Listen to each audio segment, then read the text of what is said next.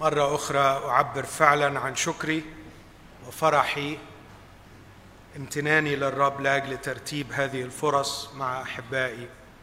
وشاكر الرب لأجل المواضيع التي تم اختيارها والتي كما ذكرت في الصباح تتحداني لكي أبحث في كلمة الله وأتذكر ما تعلمت من الكلمة وما تعلمت اختباريا. وعندما أحاول أن أشارك إخوتي بما تعلمت آه، أنا أول من يستفيد. الرب يعطيني مزيد من الاستنارة والبصيرة. وأصلي فعلا أن الرب يعطيني وأنا أتكلم في هذا المساء حول موضوع أعتبره صعب.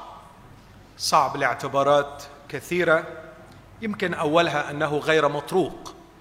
آه، فليس كثيرا نسمع عن الأمور الأبدية.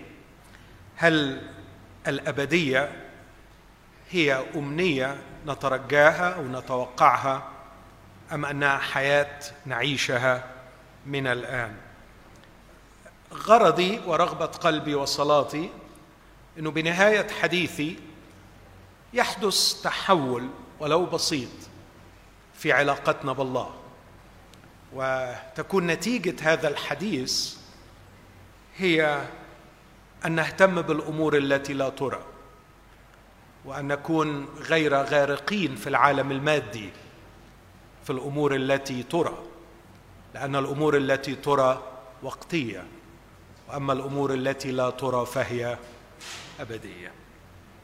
أستأذنكم نقف مع بعض.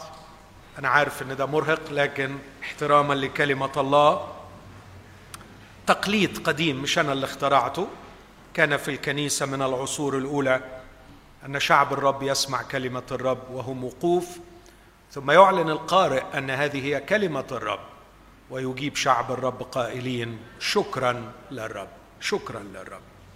سأقرأ معكم بنعمة الرب من أجتهد أن أختصر خلوني أقرأ من كورنثوس الثانية الأصحاح الرابع والخامس. كورنثوس الثانية أصحاح أربعة أصحاح خمسة. في أصحاح أربعة عدد 16 لذلك لا نفشل. بل وإن كان إنساننا الخارج يفنى. فالداخل أي الإنسان الداخل يتجدد يوما فيوما. لأن خفة ضيقتنا الوقتية تنشئ لنا أكثر فأكثر ثقل مجد ابديا.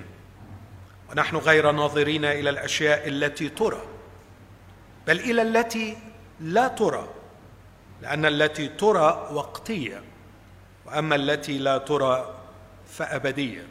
ثم يستكمل في الأصحاح الخامس. لأن التي ترى وقتية وأما التي لا ترى فأبدية لأننا نعلم أنه إن نقض بيت خيمتنا الارضي فلنا في السماوات بناء من الله غير مصنوع بيد أبدي. فإننا في هذه أيضا نئن مشتاقين إلى أن نلبس فوقها مسكننا الذي من السماء. وإن كنا لابسين لا نوجد عراة. فإننا نحن الذين في الخيمة نئن مثقلين. إذ لسنا نريد أن نخلعها بل أن نلبس فوقها لكي يبتلع المائت من الحياة. ولكن الذي صنعنا لهذا عينه هو الله. الذي أعطانا أيضا عربون الروح أو عربون الروح. فإذ نحن واثقون كل حين وعالمون أننا ونحن مستوطنون في الجسد فنحن متغربون عن الرب. لأننا بالإيمان نسلك لا بالعيان فنثق ونصر بالأولى أن نتغرب عن الجسد ونستوطن عند الرب. لذلك نحترس أيضا مستوطنين كنا أو متغربين أن نكون مرضيين عنده لأنه لا بد أننا جميعا نظهر أمام كرسي المسيح. لينال كل واحد ما كان بالجسد بحسب ما صنع.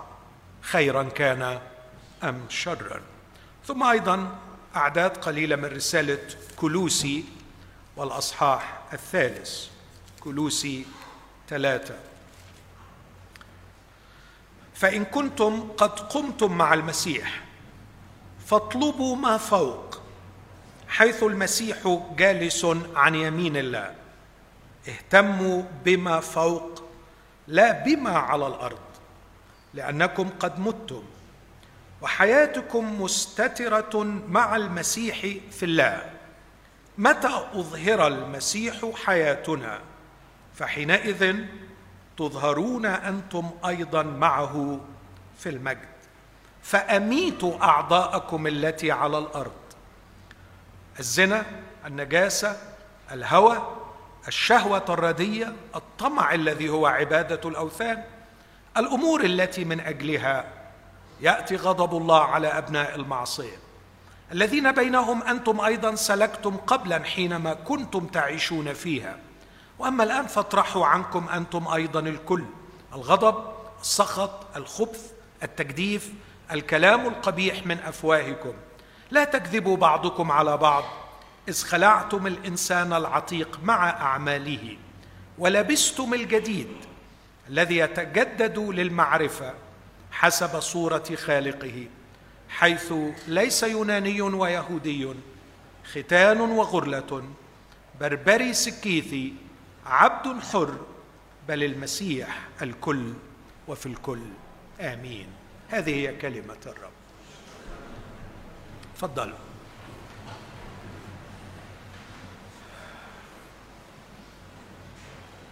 أبدأ بالقول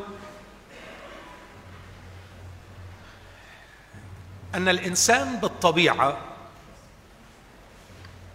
باعتباره مخلوق على صورة الله بغض النظر عن ديانته فلسفته لديه تصور ما عن الأبدية.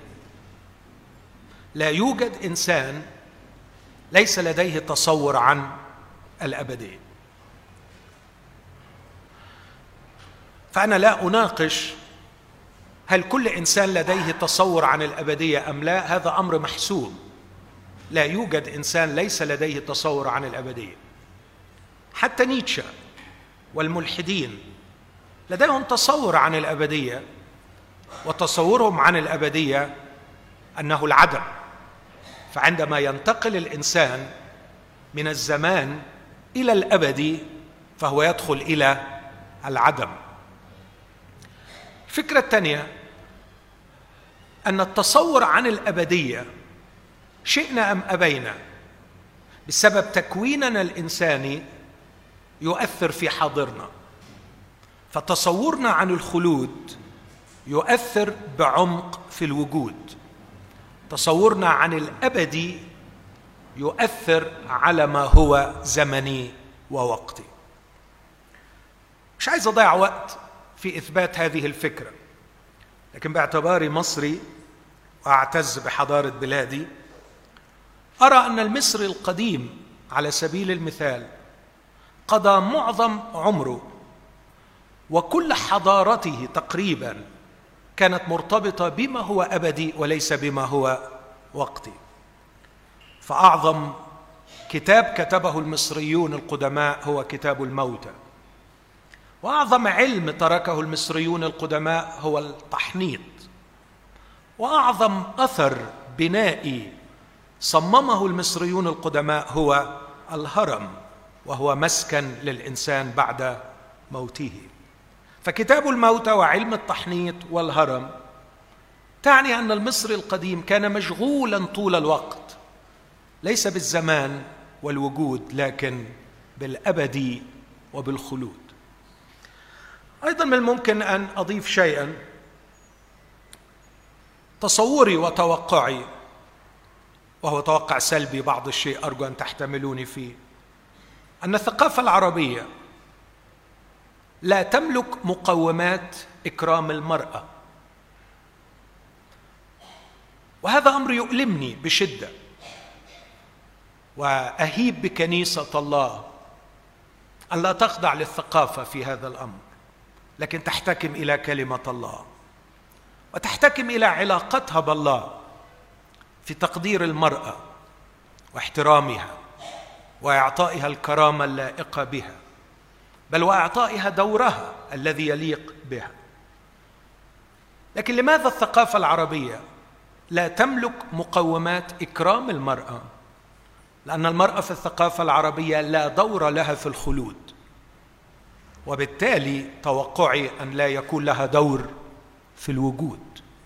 ففكرنا عن الخلود يؤثر بعمق وبطريقة راديكالية في فهمنا مع الزمن الحاضر ومع الوجود.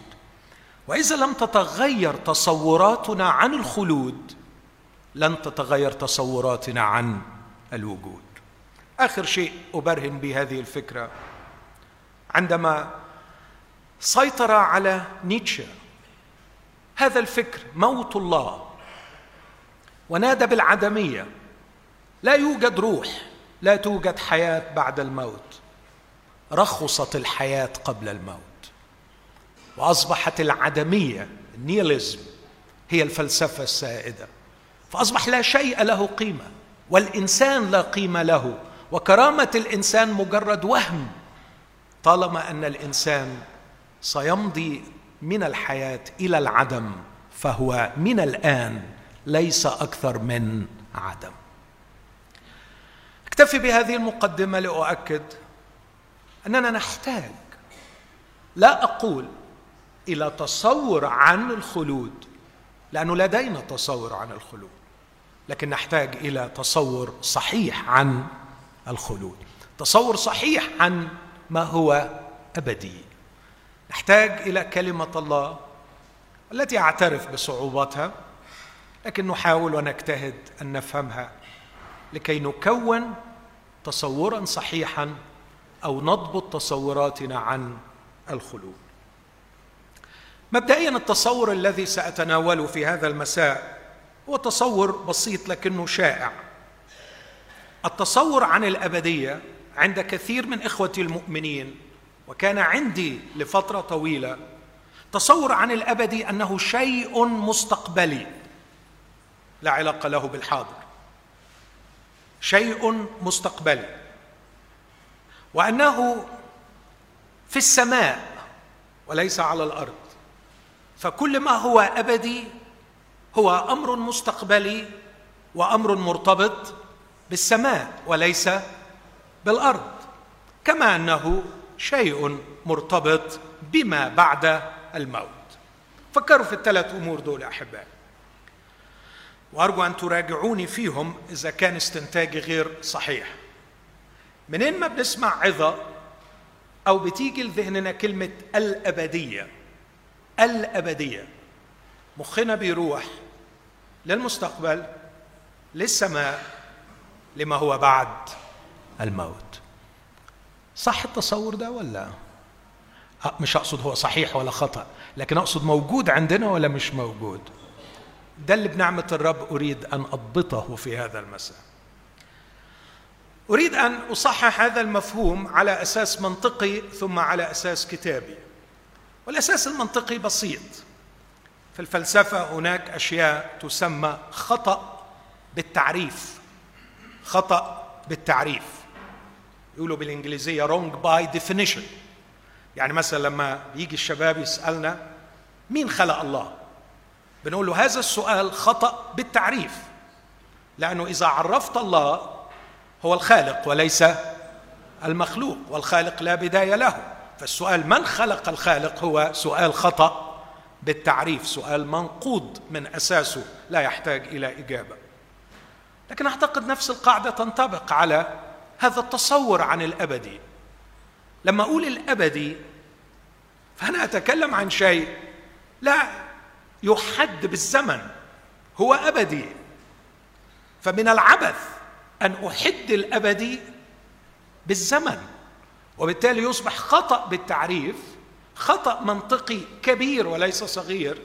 ان أتصور أن الابدي مرتبط بالمستقبل. طالما أنه أبدي لا علاقه له بلاش أقول لا علاقه له لكن لا يحد بالزمن. هو أبدي. يمكن لغتنا العربية لأنها تتكلم عن الازلي والابدي جعلتنا نميل إلى هذا التصور إلى حد ما. لكن معظمنا يعرف أن الكلمة الإنجليزية eternal. تتكلم عن الماضي وتتكلم عن المستقبل. وهذا أدق لأنه إذا تكلمت عن الابدي لا يمكن أن تحد الابدي في إطار زمني. خطأ بالتعريف. وبالتالي من الخطأ أن نربط الابدي بما هو مستقبلي. الأمر الثاني عندما نتكلم عن الابدي فنحن اخرجناه عن حدود الزمن وبالتعريف وبالمنطق طالما خرج عن حدود الزمان خرج عن حدود المكان. فالزمان والمكان لا ينفصلان. لا تستطيع أن تفصل الزمان عن المكان. ولهذا أحسن الكتاب المفكرين وخصوصا بعد أينشتاين أن ينحتوا هذا التعبير الزمكان لكي يربطوا معا الزمان والمكان. وبالتالي عندما أتكلم عن الابدي وأربطه بالسماء فهذا خطأ بالتعريف أيضا. لأنه إذا انفك من حدود الزمان انفك أيضا من حدود المكان. وإذا تكلمت عن الابدي فيقينا لا يحد بالموت فالموت لا علاقة له بما هو أبدي. علشان كده هذا التصور عن الابدي بأن نحصره وندفعه بعيدا إلى المستقبل وأن نرفعه إلى السماء وأن نربطه بالموت منطقيا هو خطأ بالتعريف.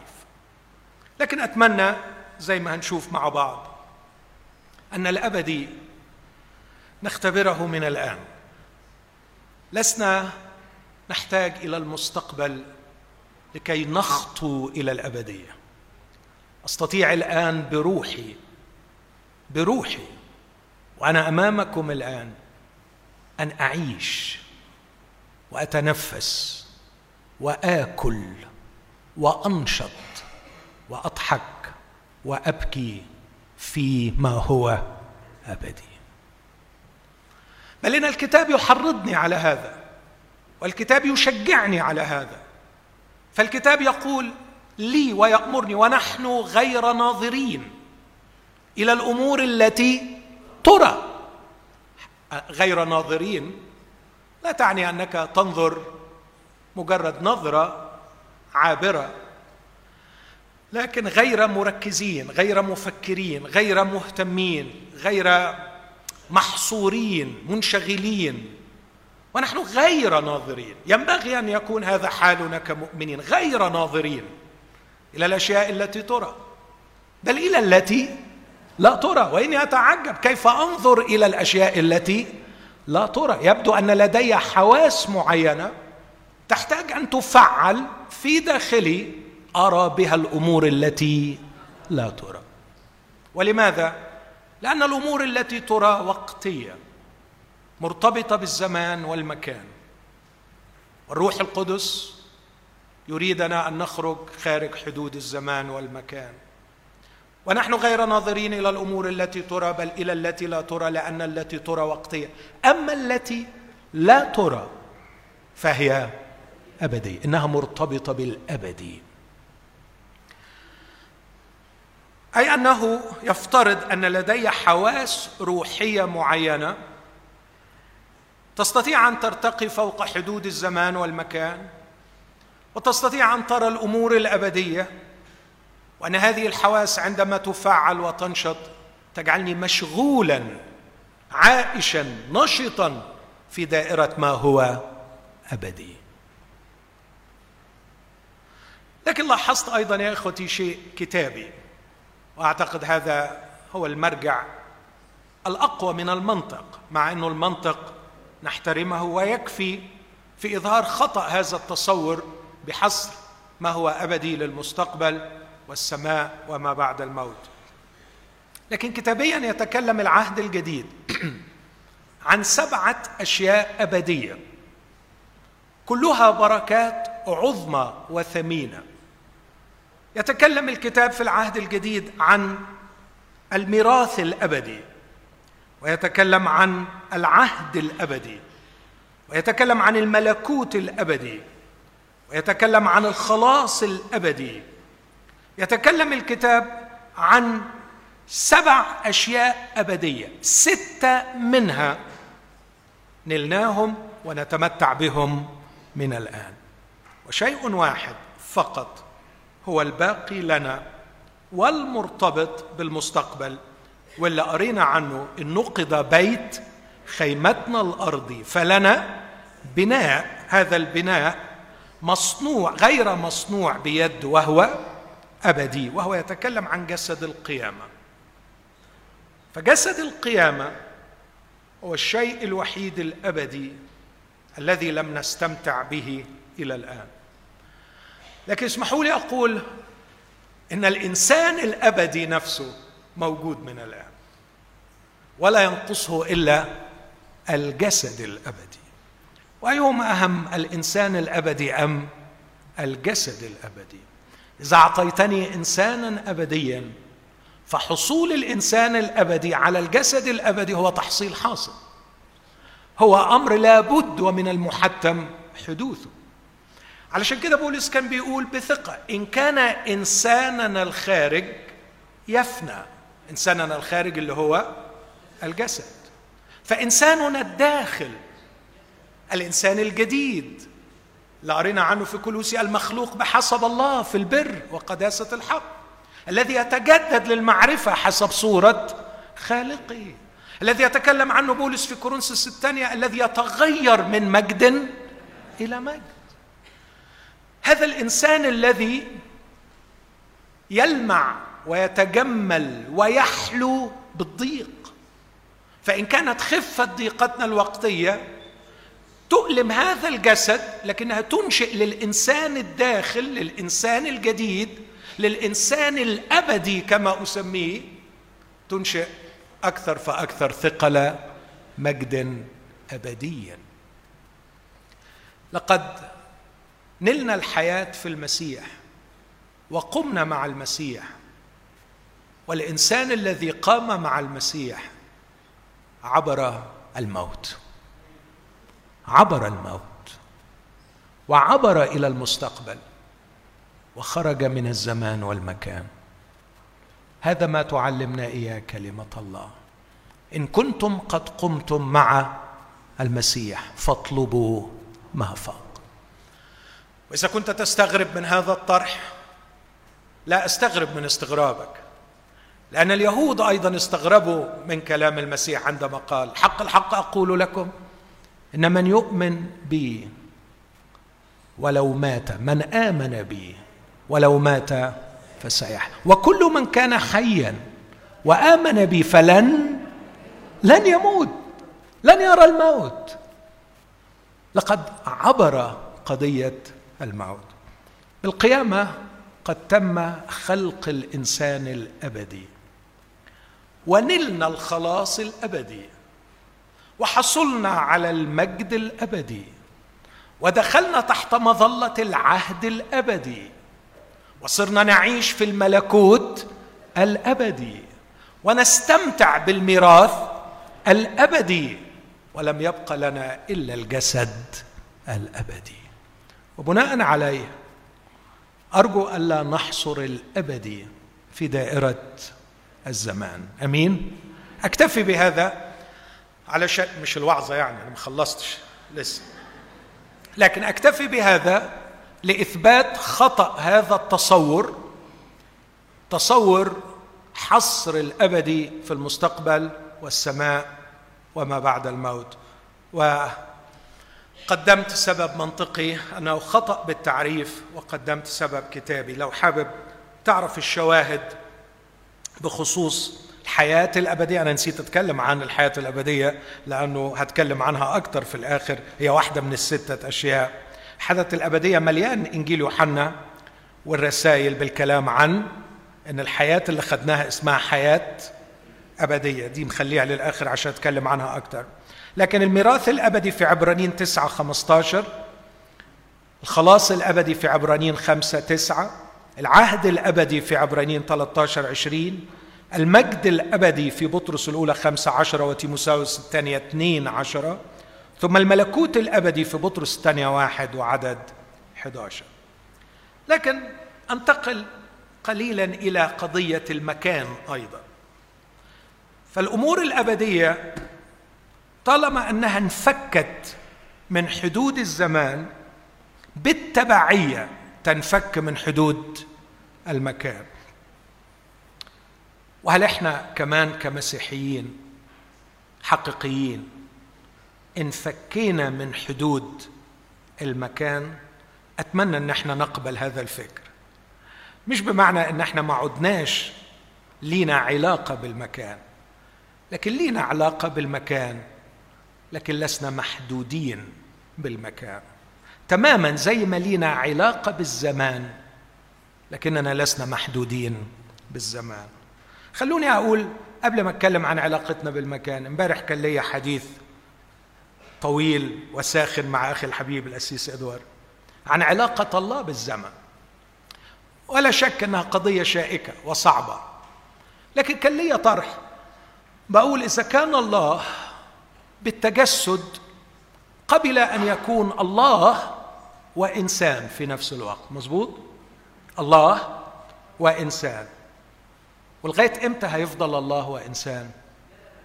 إلى أبد الابدين برضو دي حاجة غريبة شوية. الكلمة صار جسدا لكم ألف سنة؟ لكم ألف سنة؟ إلى أبد الآبدين. وده شيء غريب. شيء غريب وعجيب وصعب على العقل البشري أن يفهمه.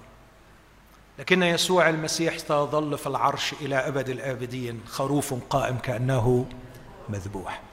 التجسد ليس شيئا مرحليا في حياة ابن الله. لكن المسيح قرر أن يكون انسانا. دون أن يكف لحظة واحدة عن أن يكون الله إلى أبد الابدين أقدر أستنتج وأقول عندما قرر الله أن يخلق والخليقة مرتبطة بالزمن فلا خليقة بدون زمن. الزمن بدأ مع الخليقه الزمن بدأ مع الخليقه قرر الله أن يكون في علاقة مع الزمن بشكل ما لا أستطيع أن افهمها لكن دايما أعزي نفسي لما ألاقي روحي مش فاهم وأقول الله الإنسان بيبحث عن البعد الرابع قد يكون هناك عشرات الأبعاد. الله كان عنده عنده كم بعد؟ الله يستطيع الله يستطيع الله أن يكون في علاقة مع الزمن وخارج الزمن في نفس الوقت ولا ما يقدرش؟ يقدر. لأني لا أستطيع أن أتصور قدرات الله إمكانيات الله. الله أول درس في اللاهوت بناخده لا يمكن ادراكه بالكلية. Incomprehensible. صعب ان أنا أستوعب كل ما هو الله. الله في الخليقة. ظل خارج الزمن لا يحد بالزمن لكنه صار أيضا في نفس الوقت له علاقة بالزمن. زي تماما ما بقي الله وصار أيضا إنسان. ولما نقول صار إنسان أرجو أن نفكر فيها إنه يسوع الآن له جسد جسد إنسان. وجسد الإنسان جسد محدود. صح ولا مش صح؟ ولا جسد غير محدود؟ جسد محدود له أبعاد معينة. برضو أمر يصعب علينا. تخيله وتصوره لكن هذه الحقيقة التي سننمو في إدراكها يوما وراء الآخر. وبالتالي اللي عايز استنتجه أقول إن المخلوقين على صورة ابنه. الخليقة الجديدة. قادر الله أن يجعلنا كائنات داخل الزمن ويمكنها أيضا أن تعيش خارج الزمن. لها علاقة قوية بالمكان وقادرة أن تعيش أيضا خارج المكان. لعل حد يتصور إني أهلوس وأنا بقول خارج المكان خلوني أقرأ معاكم ثلاث آيات من رسالة العبرانيين.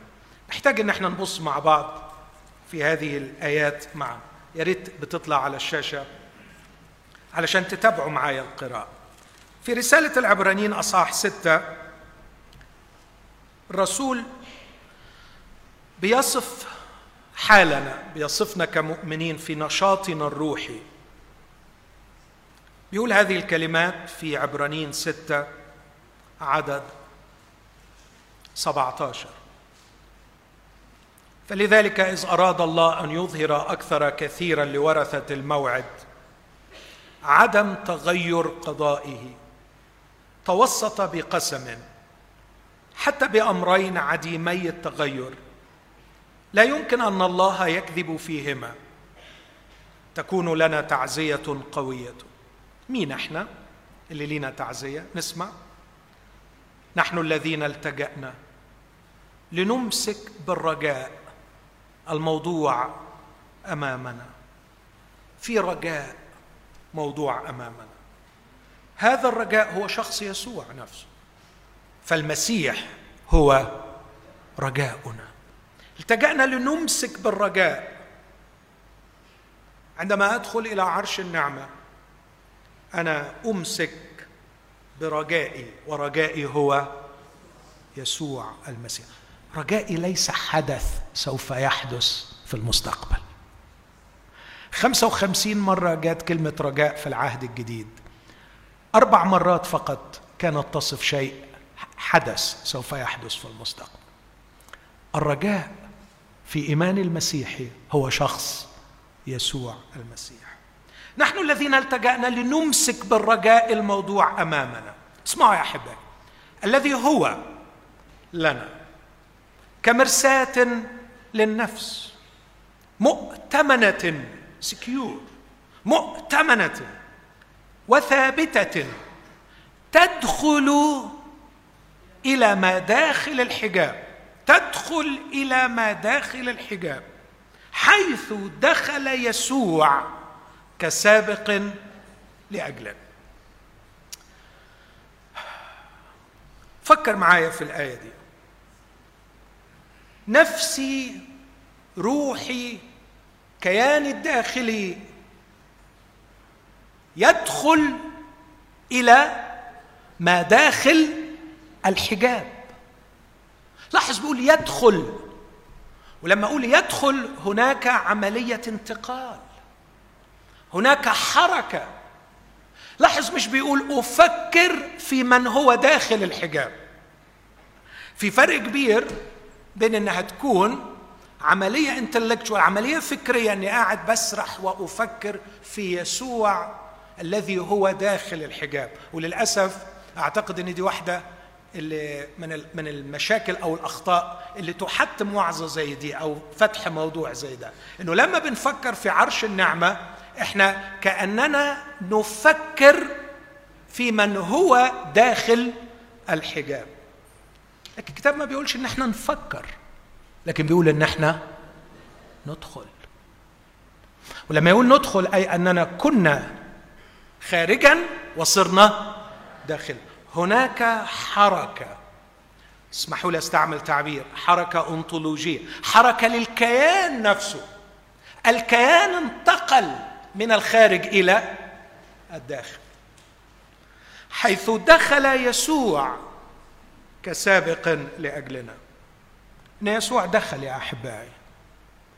دخل إلى واقع روحي جديد. يسوع ليس في الهواء. يسوع ليس فكرة. يسوع شخص حي موجود في واقع روحي الآن وأنا بتكلم معاكم. يسوع جالس عن يمين عرش الله. أكيد الكلام صعب إدراكه لأنه لما أقول جالس عن يمين عرش الله يعني هل في كرسي كده زي الكرسي ده؟ ويسوع قاعد عليه؟ برضه صعب أتصورها. يعني إيه يسوع جالس؟ بس عندنا عشرات الآيات اللي بتقول إن يسوع جالس. تعرفوا كان الأمر ده هو احدى تهم التي صلب من أجلها؟ قال له أستحلفك بالمبارك؟ مين انت؟ انت ابن المبارك استحلفك بالله. قال له أنت تقول إني ابن الله. وأقول لكم من الآن ترون ابن الإنسان جالسا في السماء جالسا في يمين الله واتيا على سحاب السماء. يسوع قاعد في حتة معينة دلوقتي. اللي أقدر أسميه أقول في واقع رياليتي واقع روحي يسوع موجود فيه. الكتاب بيقول إن أنا بروحي أدخل إلى حيث ما دخل يسوع كسابق لأجلنا. طب أكمل الآيات وأرجع أوضح أكتر علشان أنا عارف إنه ده صعب. إحنا شفنا عبرانيين ستة حيث دخل يسوع كسابق لأجلنا. وحلوة دخل يسوع كسابق لأجلنا. يعني إيه دخل كسابق لأجلنا؟ كلمة جميلة كلمة سابق تترجم forerunner وال forerunner لو حضراتكم قاريين العهد الجديد مين اللي اتقال عنه forerunner مين اللي اتقال عنه الكلمة دي؟ يوحنا المعمدان. يوحنا المعمدان جاء كسابق ليسوع ليعد الطريق ليسوع. فلما يقول يسوع بقي تخيل يوحنا المعمدان كان ال forerunner بتاع يسوع. يسوع بقي ال forerunner بتاعنا إحنا. بس يوحنا المعمدان كان يعد طريق يسوع على الأرض يسوع بيعد طريقنا نحن للسماء. ودخل يسوع لكي ندخل نحن. مش بكرة مش لما نموت لكن ندخل من الآن. لأن يسوع دخل. عندما وصل المعمدان تيقنا أن المسيح آتي. وعندما دخل يسوع إلى الأقداس أصبح من المحتم أننا نحن أيضا ندخل. مش لما يجي المسيح. من الآن. أوضحها أكثر. بص معايا في عبرانيين تسعة. في رسالة العبرانيين أصحاح تسعة بولس بيعمل الحقيقة أو كاتب العبرانيين بيعمل محاجة جبارة رائعة. ومقارنة بين النظام اليهودي وخيمة الاجتماع والهيكل الأرضي وقدس الأقداس الأرضي ثم الواقع المسيحي المختلف كلية عن اليهودية وإن كان الواقع اليهودي رمز له. بيقول هذه الكلمات في عدد 23 فكان يلزم أن أمثلة الأشياء التي في السماوات تطهر بهذه. وأما السماويات عينها فبذبائح أفضل من هذه. عدد 24 مهم. لأن المسيح لم يدخل. إحنا قرينا في عبرين ستة حيث إيه؟ دخل يسوع. هنا بيوضح دخل لفين.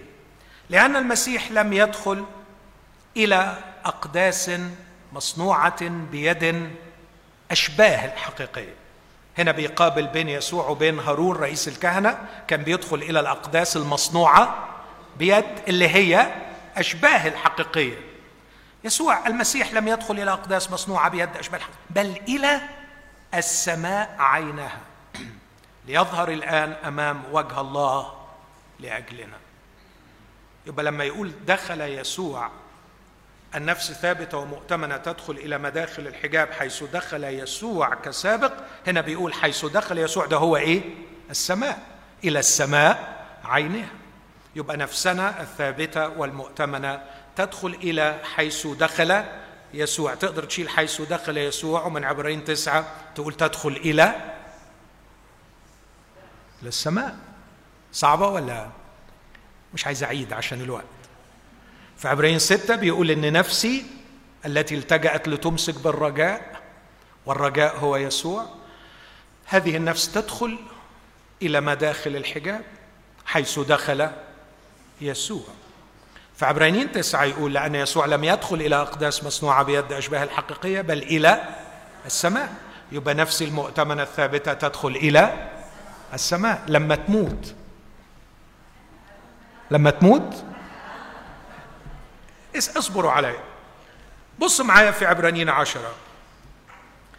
يسوع دخل إلى أقداس. عبرانيين تسعة ليست مصنوعة بيد أشباه الحقيقية بل دخل إلى السماء عينها يبقى النفس بتدخل إلى حيث دخل يسوع ويسوع دخل إلى الأقداس بس الأقداس الحقيقية. عبرانيين عشرة عدد 19 فإذ لنا أيها الإخوة ثقة بالدخول إلى الأقداس بدم يسوع. فلنتقدم بقلب صادق في يقين الإيمان. نحن ندخل إلى حيث دخل يسوع. يسوع دخل إلى السماء دخل إلى الأقداس في السماء. ونحن لنا ثقة بالدخول إلى الأقداس. إذا لنا ثقة بالدخول إلى السماء. الأمور الأبدية بدأت من الآن. عمل المسيح على الصليب شق الحجاب. شق الحجاب لكي ينقلنا من الآن إلى الواقع الأبدي. خطينا الخطوة. نقلنا النقلة. كل المطلوب مننا أن نمارس حقنا. لدينا دم المسيح مرشوش. لدينا حياة المسيح الأبدية. لدينا الروح القدس يسكن فينا. لدينا عرش النعمة مفتوح. كل اللي محتاجينه هو تنشيط لأرواحنا لتدرك وتقتنع وتمارس حقها في أن تعيش في دائرة ما هو أبدي. لأننا فعلا سقط السور سقط الحاجز الذي كان يفصل الواقع المادي عن الواقع الروحي. الواقع الزمني عن الواقع الأبدي. وأصبحنا من الآن نضع قدما فيما هو زمني ونضع قدما فيما هو أبدي. نعيش في الواقع المادي ونعيش أيضا في الواقع الروحي. بل أن هذه هي رسالتنا أن نتعمق ونغوص عميقا فيما هو أبدي لكي ننقله إلى ما هو زمني. وان نتاثر بما هو زمني فنتطور فيما هو أبدي. فعندما أواجه الضيقات الوقتية الضيقات الزمنية أعاني منها لكني أتمرن بها فأتطور روحيا فينمو الإنسان الأبدي ويشغل مكانا أفضل في الواقع الأبدي.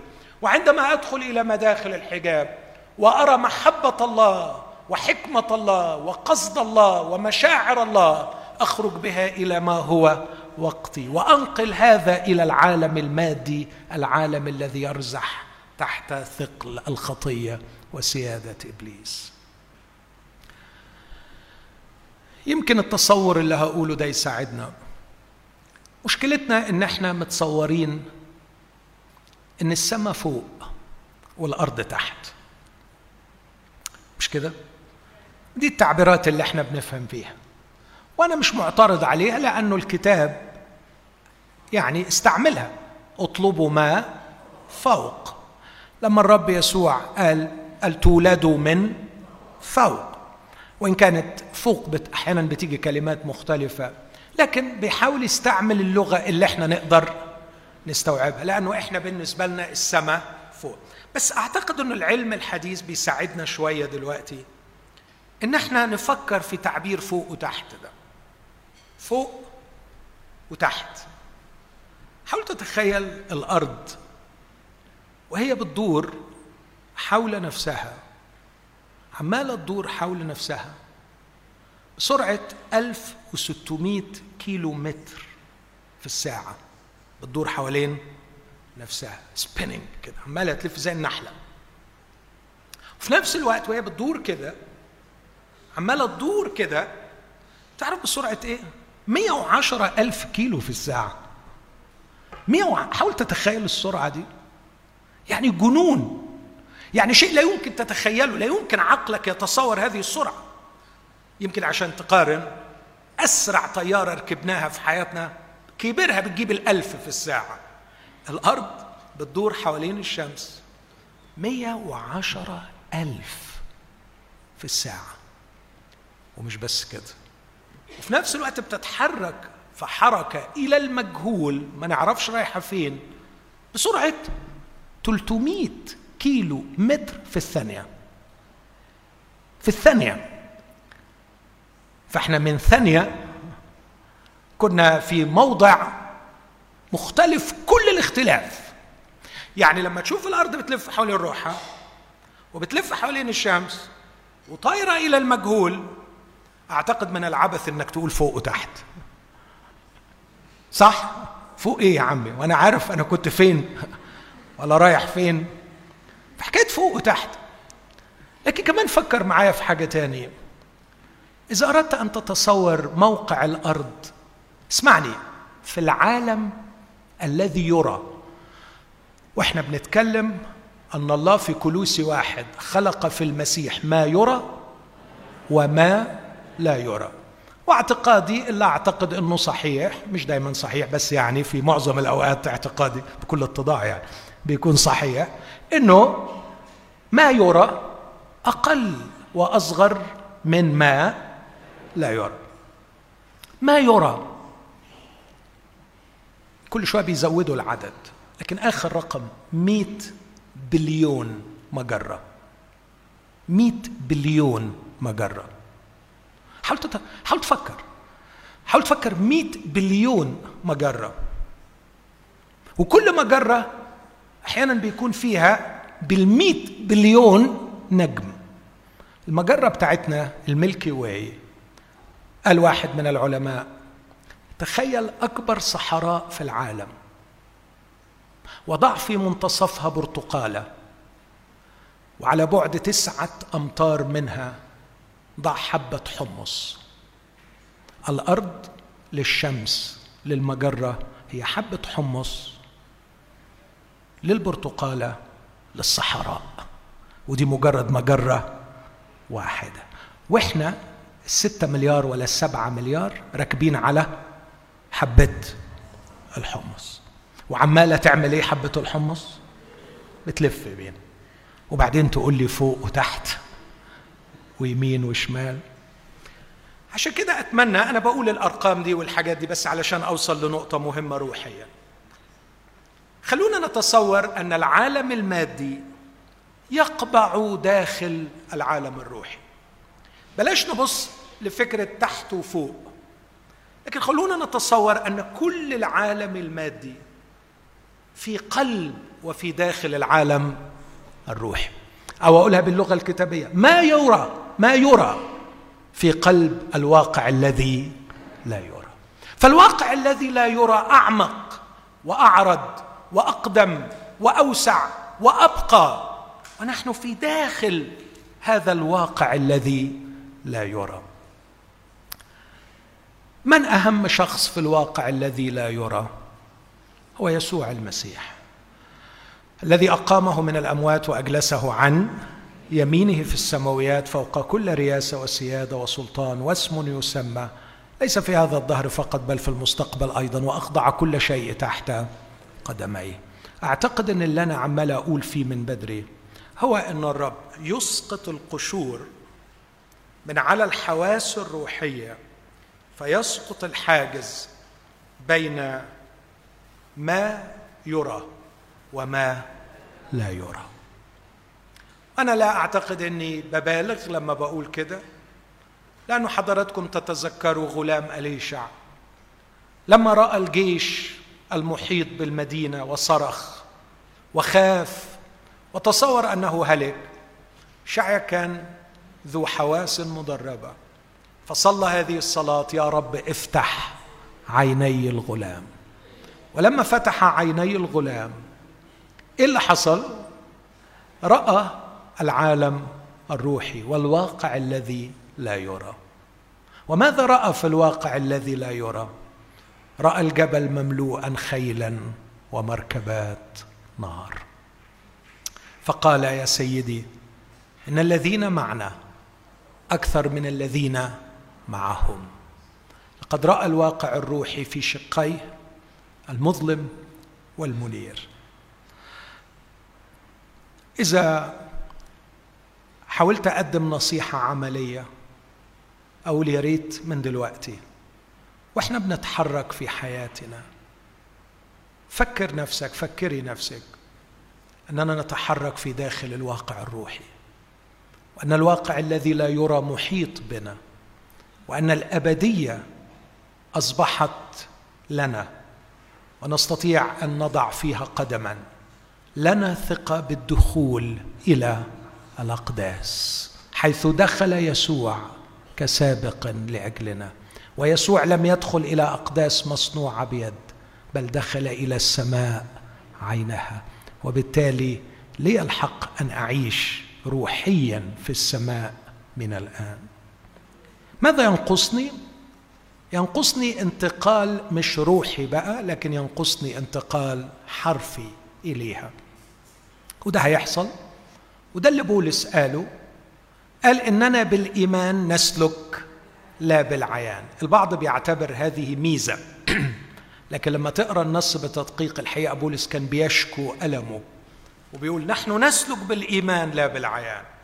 إن اشتياقي الأعمق هو أن لا أخلعها بل أن ألبس فوقها مسكننا الذي من السماء فيبتلع المائت من الحياة. فأجد نفسي حرفيا جسديا في هذا الواقع الروحي.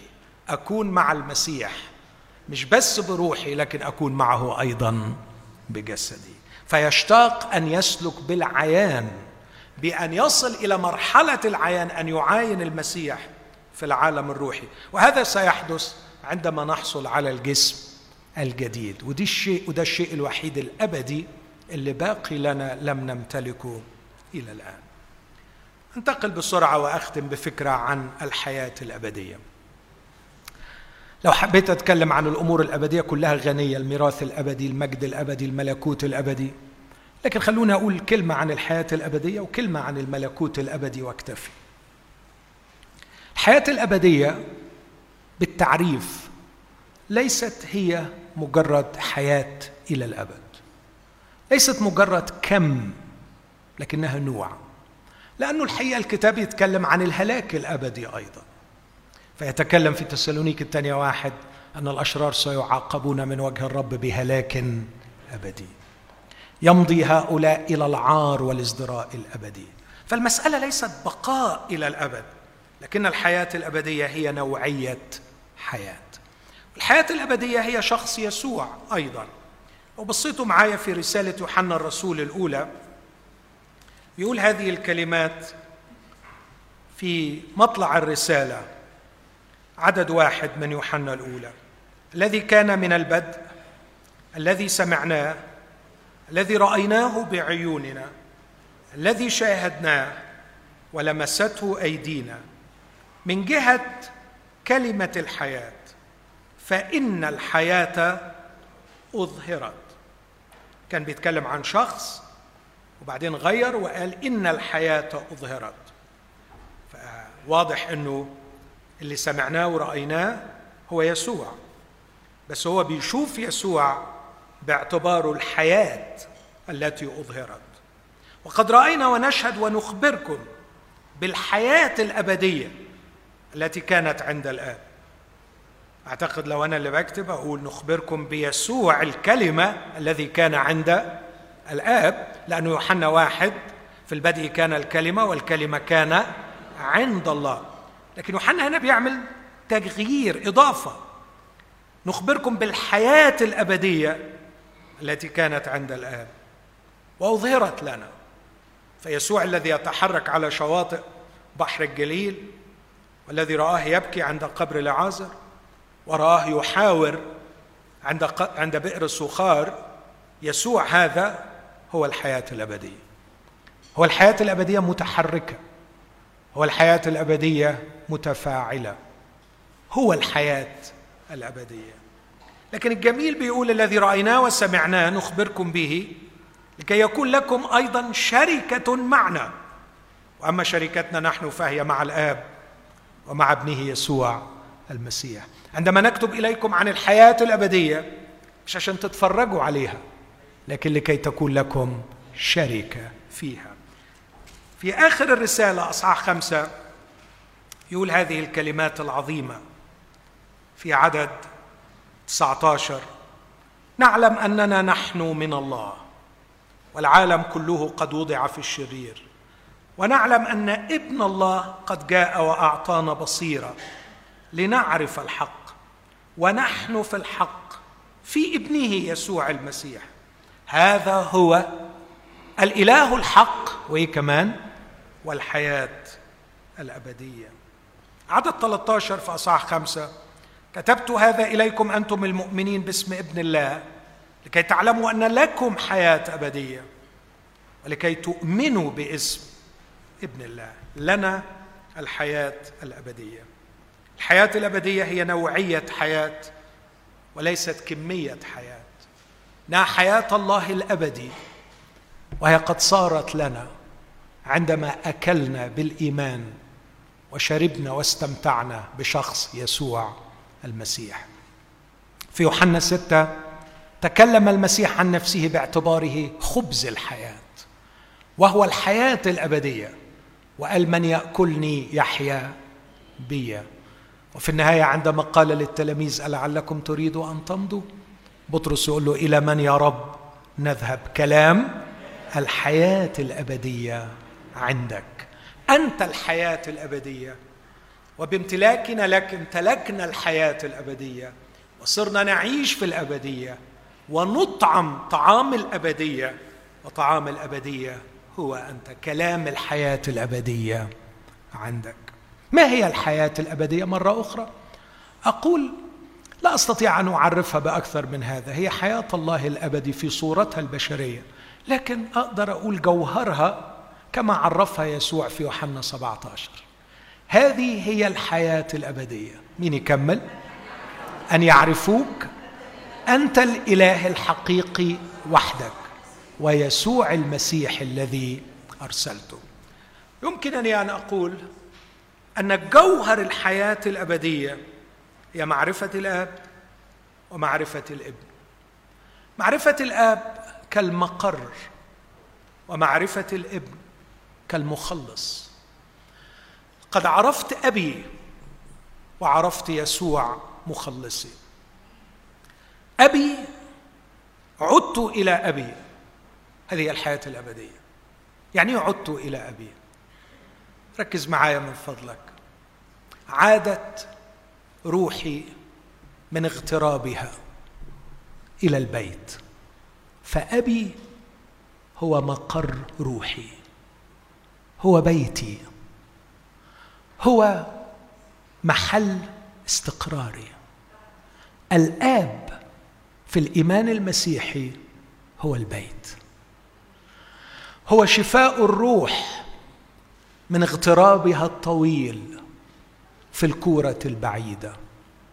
فعندما نلت الحياة الأبدية عادت روحي من اغترابها الطويل ووجدت مقرها ليس في مكان ليس في مكان لكن الساكن في ستر العلي في ظل القدير يبيت لأنك قلت أنت يا رب ملجئي وجعلت العلي مسكنك.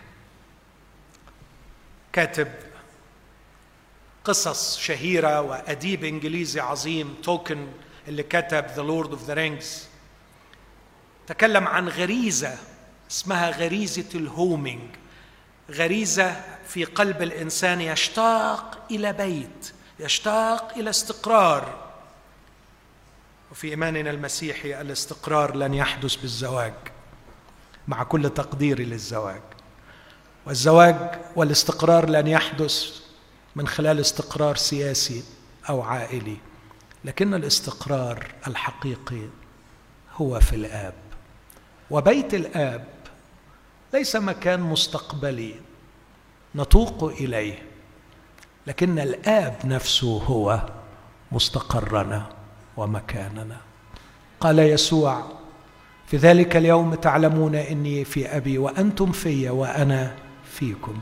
إن أحبني أحد يحفظ كلامي وأنا احبه وأبي يحبه وإليه نأتي وعنده نصنع منزلا. هذه هي الأبدية. هذا هو الأبدي. أن تحط الرحال من الاغتراب الطويل. أن تشبع طوق الروح إلى المنزل إلى البيت. أن تهدأ في حضن أبيك. أن تعرف أن هذا هو المآل النهائي لروحك التي عانت كثيرا من اغترابها الطويل. أكتر كلمة بتخوفني على الشباب. ليه بتكافح حبيبي؟ عايز أتجوز. وليه عايز تتجوز يا حبيبي؟ أول إجابة عايز استقر. يا حبيبي أنا طول عمري بتعامل مع المتجوزين اللي مش ضايقين طعم الاستقرار. صدقني. المتجوزين عمالين يعانوا وبيدوروا على استقرار. يا حبيبي أرجوك افصل تماما بين الزواج وبين الاستقرار. بالعكس بقدم نصيحة. أقول الزواج ليس للاستقرار الزواج للمستقرين فقط. فمن لم يعرف طعم الاستقرار لن ينجح في زواجه لأنه هو مغترب وهيزود على روحه عبء مسؤولية إنسان آخر فيبقى قاعد قلقان وكمان عليه مسؤولية إضافية. أو عايز أهاجر. ليه عايز تهاجر يا حبيبي؟ علشان أستقر. إزاي هتستقر لما يكون في نظام سياسي ثابت وما فيش مشاكل؟ ساعتها الواحد يستقر. مسكين يا حبيبي. مسكين يا حبيبي.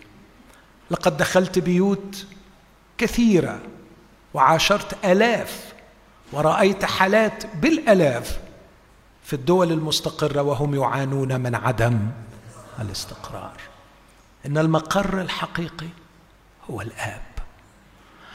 وامتلاك الحياة الأبدية هو ليس فقط عبور الاغتراب هو عبور الزمان هو الوصول للمقر النهائي إنها الحياة الأبدية.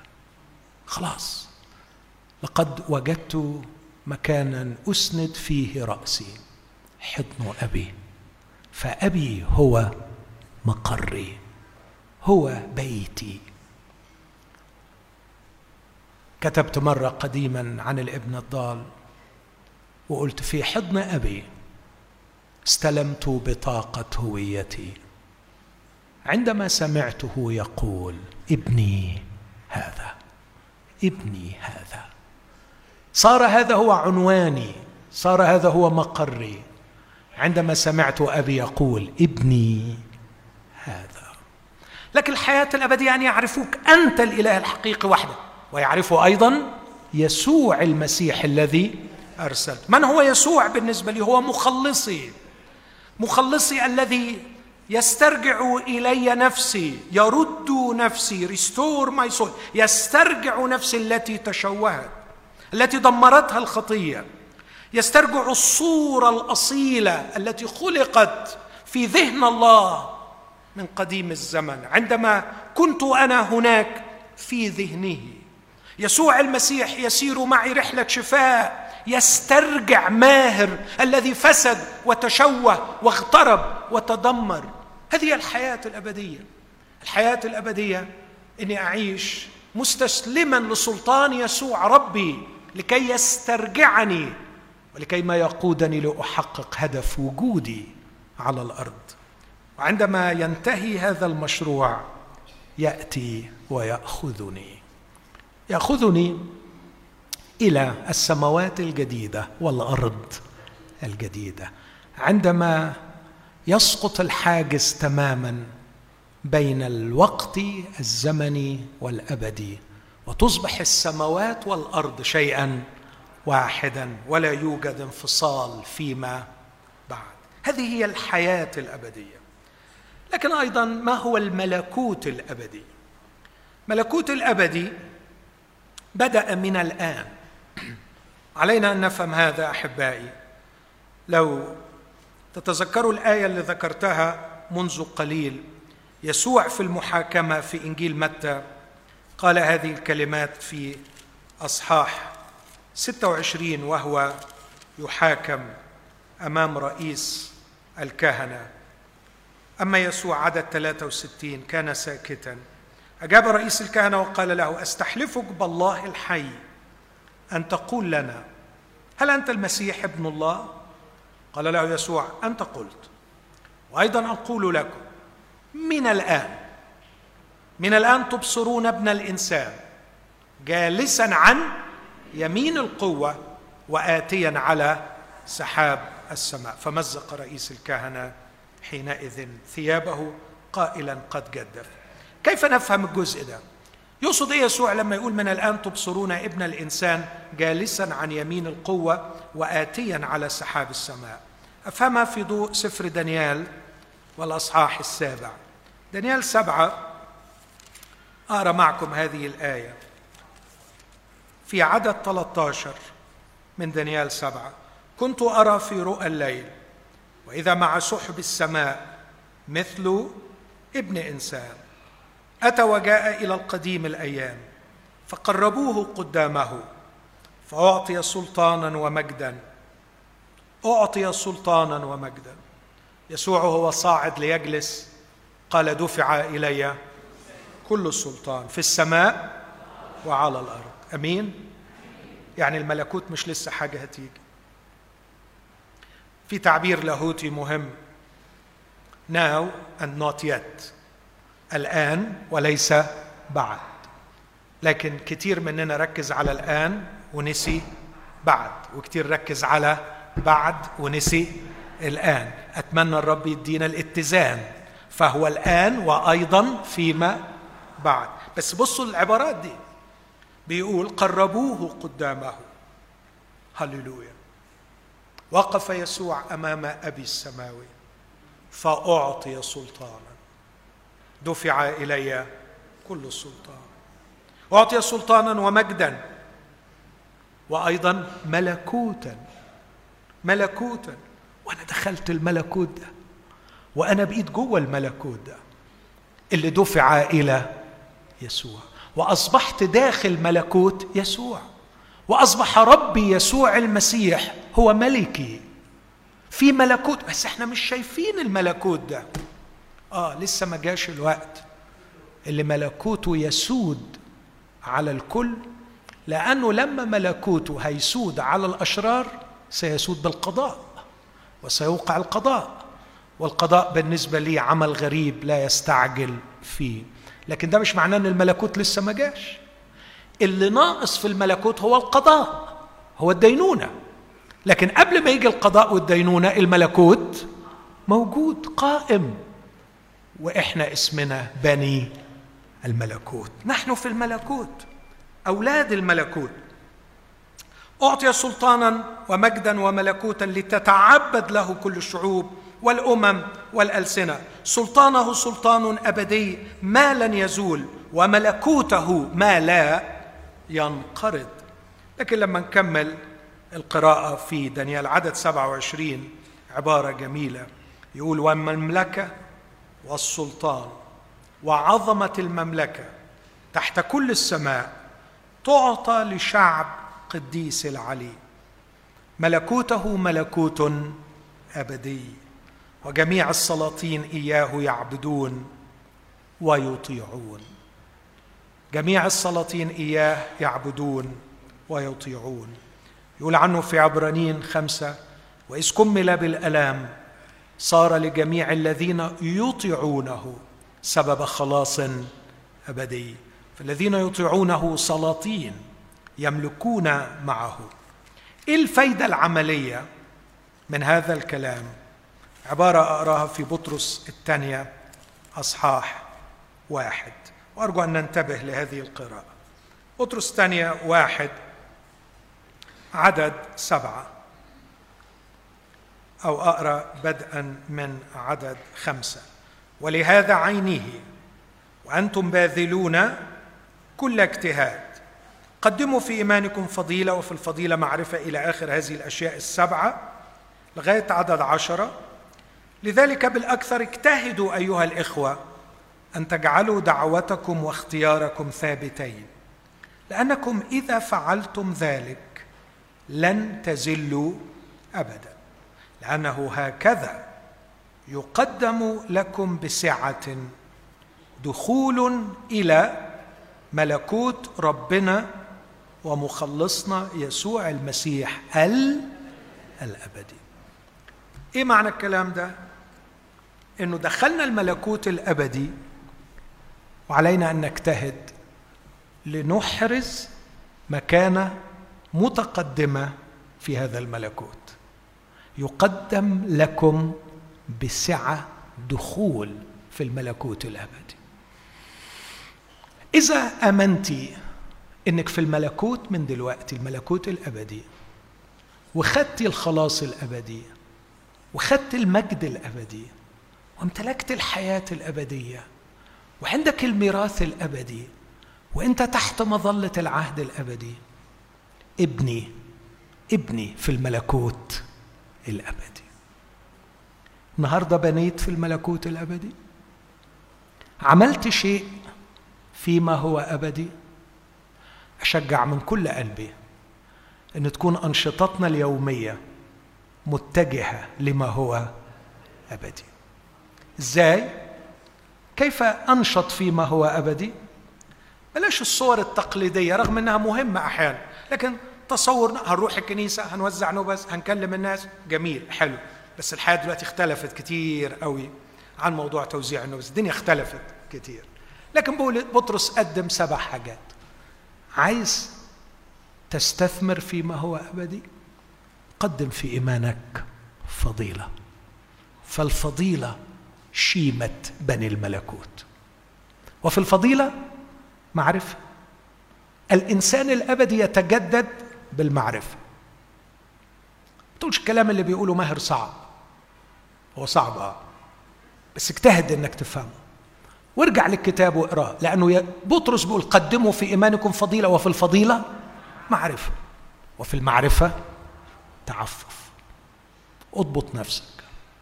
اطلب ما فوق لا ما على الأرض. اميتوا أعضاءكم التي على الأرض اللي هي الزنا والهوى والطمع والنجاسة. بتجرب بتجرب بالشهوات حاسس بيك وعارف ثقل التجربة. موتها موت الرغبة. لا تخضع للتجربة لأنك صرت إنسانا أبديا وداخل الملكوت الأبدي. تعفف تعفف. قدم في إيمانك فضيلة. اخلاق وفي الفضيلة معرفة وفي المعرفة تعفف وفي التعفف صبر صبر اصبر ثابر تحمل. الشاعر العربي زمان قال يا بائع الصبر لا تشفق على الشاري فدرهم الصبر بقنطار إيماني كل درهم صبر عايز قنطار إيمان. اصبر قدم في إيمانك صبر. بعدما صبرتم عبرانيين عشر تحتاجون إلى الصبر لأنك تريد أن تحظى بمكانة متقدمة في الملكوت الأبدي. وفي الصبر تقوى. ما الذي يعينني على الصبر؟ اتصالي بالله ووقوفي أمامه ودخولي إلى السماء عينه دخولي إلى عرش النعمة. وفي التقوى مودة أخوية. وما هي المودة الأخوية؟ الفيلوستورجوس. إن اللي عملته مع نفسي أعمله مع إخواتي. فأشعر بمسؤوليتي تجاه إخواتي. عرف أحد القواميس اليونانية المودة؟ هي تلك المشاعر التي يظهرها الأباء تجاه الأبناء في صغرهم ويظهرها الأبناء تجاه الأباء في كبرهم. شعور بالمسؤولية. أنا مارست وجاهدت لكي أتعفف لكي أعرف لكي أصبر لكي أتقي لكني لا أعيش من أجل نفسي. سأفعل هذا مع إخوتي. وفي الموده الأخوية محبة. هذه هي الاجابي أن أكون مثل أبي. ومثل مخلصي يسوع في حب غير مشروط لجميع إخوتي. إن فعلتم ذلك لن تزلوا. إن فعلتم ذلك وهي دي النقطة اللي رابطة بالملكوت يقدم لكم بسعة. يعني خلينا نتكلم بلغة مفهومة تعلى مراتبك تعلى درجاتك في الملكوت الأبدي. وعن قريب سيأتي الملك عيانا. وسيوقفنا أمامه للحساب. وسيقول لكل واحد فينا أرني كم تاجرت وكيف تاجرت. وسيقول لواحد ليكن لك سلطان على عشر مدن ولآخر سلطان على خمس مدن. سيعطي لكل واحد حسب ما صنع بالجسد. على قدر جهادنا على قدر وضعنا الأبدي هناك في الملكوت. أنا طولت عليكم لكن حابب بس أجاوب باختصار على سؤال أخير. طب ولما يجي المسيح والكلمة بقى اللي هي ونروح السماء إحنا عرفنا إن إحنا ممكن نروح السماء من دلوقتي مش كده؟ ولا ما ما أحرار هعيد الوعظة تاني. عبرين ستة؟ عبرين تسعة عبرين عشرة إحنا لينا دخلة وطلعة على السماء من دلوقتي. لكن لما هيجي المسيح هيتغير الجسد ومش هيبقى فيه سماء وأرض لكن الاثنين مع بعض سماوات جديدة وأرض جديدة يسكن فيها البر ويسقط الحاجز ويتغير ويصبح الإنسان الأبدي لابس الجسم الأبدي. هنعمل إيه؟ ده السؤال اللي بتسأله دايما. هنعمل إيه؟ لدينا تصور بشع بشع. يصف حالة من الكسل والملل الأبدي. قاعدين على ريكلاينرز في السماء. ما بنعملش حاجة غير إن إحنا نرنم ويمكن بعضكم سمعني وأنا بحكي حكاية ابني. لما قال لي وهو طفل صغير بابا إحنا لما نروح السماء هنعمل إيه؟ على قد سنه كان خمس سنين ساعتها. قلت له حبيبي هنروح السماء. وهنشوف الرب يسوع وهنشوف الملائكة والمؤمنين. قال لي آه بس إحنا هنعمل إيه؟ مش هنشوف مين؟ قلت له هنرنم. قال لي وبعدين؟ قلت له بعد شوية كمان نرنم تاني. سكت شوية وقال لي بابا ممكن ما أروحش معاكم؟ هذا التصور الساذج.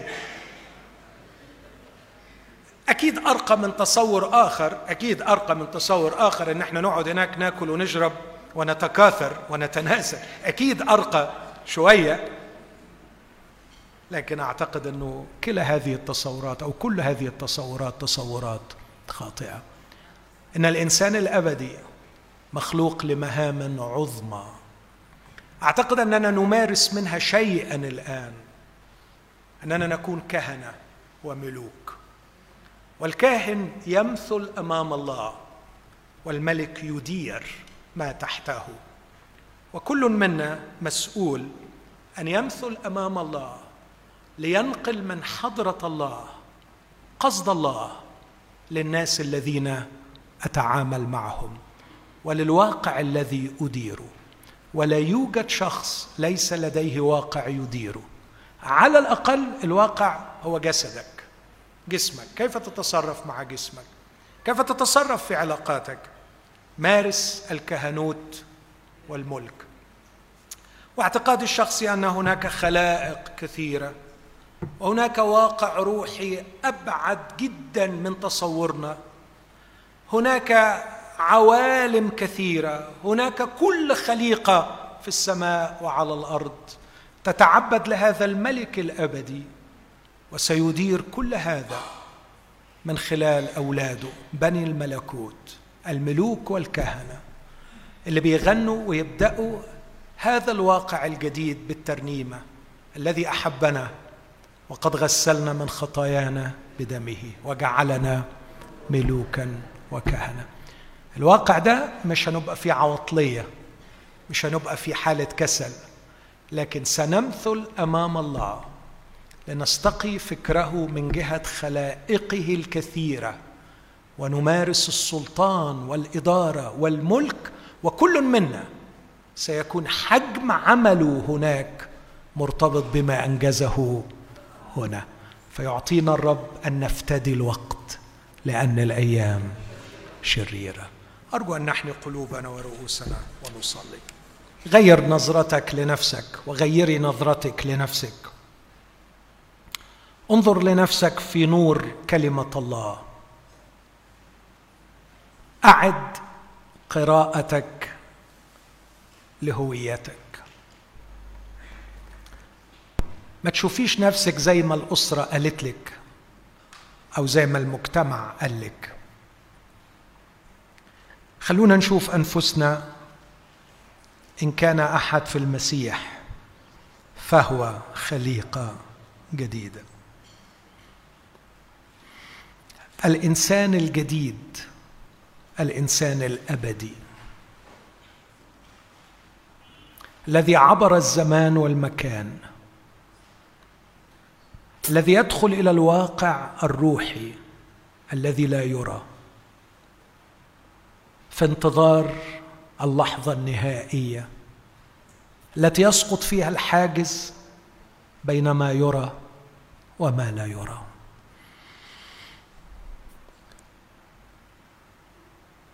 غير نظرتك للحياة. فهي ليست فرصة للمعاناة والألم بل هي فرصة للجهاد وتحقيق وضع أفضل في الملكوت الأبدي. ما تشوفيش الحياة نقمة أو ثقل لكن شوف الحياة فرصة مباركة لكي أنجز أكثر أسمع كل يوم قول أبي يا ابني اذهب اليوم أعمل في كرمي. وأسمع قول سيدي يسوع تاجروا حتى أجيء.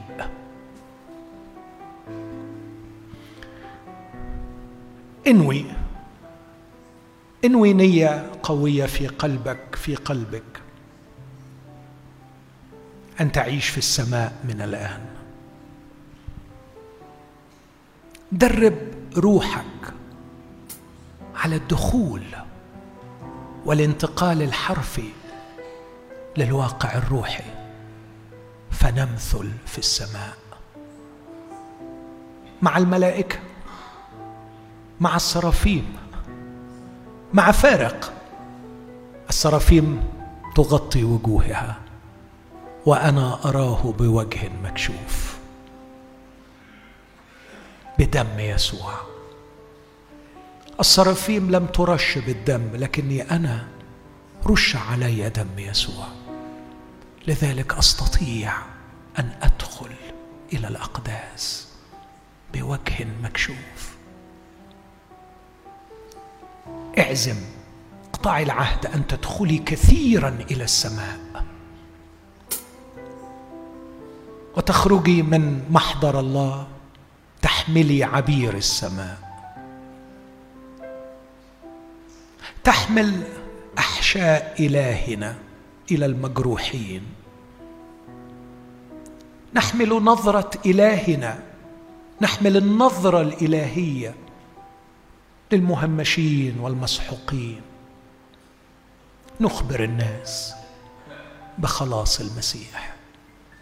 نخبرهم بالمسيح المخلص. اقطع العهد أمام الرب.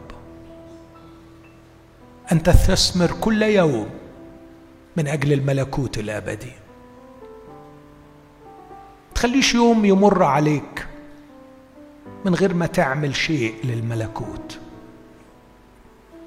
لا تعمل فيما هو بائد فاني زمني أعمل فيما هو أبدي. تاجر في المضمون استثمر في المضمون.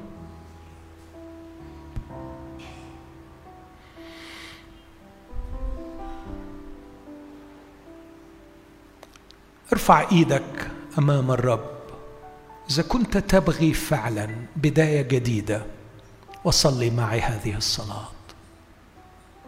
سأدخل إلى عرشك. وسأتعلم كيف أقضي اوقاتا أكثر في الأقداس. سأدرب روحي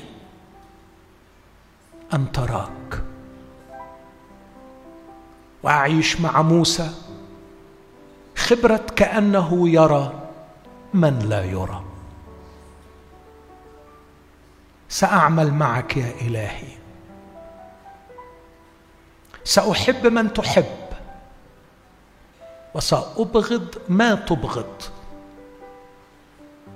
وسأتكلم بما تريدني أن أتكلم به. سأعمل معك. سأذهب حيث ترسلني. وسأتمم. كل وصية تطلبها مني. أعني يا روح الله. أعني يا روح الله. لكي أكون ابنا حقيقيا مسرا لقلب أبي. أبانا في اسم المسيح.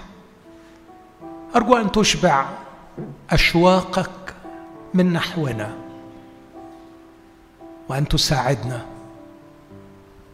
لكي ما يتم ما كلمتنا به فينا.